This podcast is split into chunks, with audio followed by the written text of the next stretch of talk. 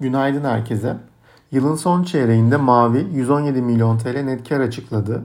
Net kar satış büyümesinin ve operasyonel marjların beklentilerden iyi olması sayesinde piyasa beklentisi 47 milyon TL'nin yaklaşık %150 üzerinde gerçekleşti.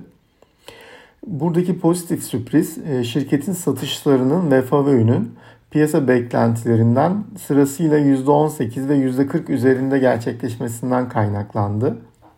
Şirket 2022 yılına ilişkin öngörülerini makro belirsizlikler sebebiyle e, birinci çeyrek sonuçlarından sonra açıklayacağını duyurmuş olmasına rağmen çeyrek başından beri aynı mağaza büyümelerinin yıllık bazda %136 e, artış gösterdiğini ve Türkiye online satış büyümesinin aynı dönemde %90 e, arttığını paylaştı.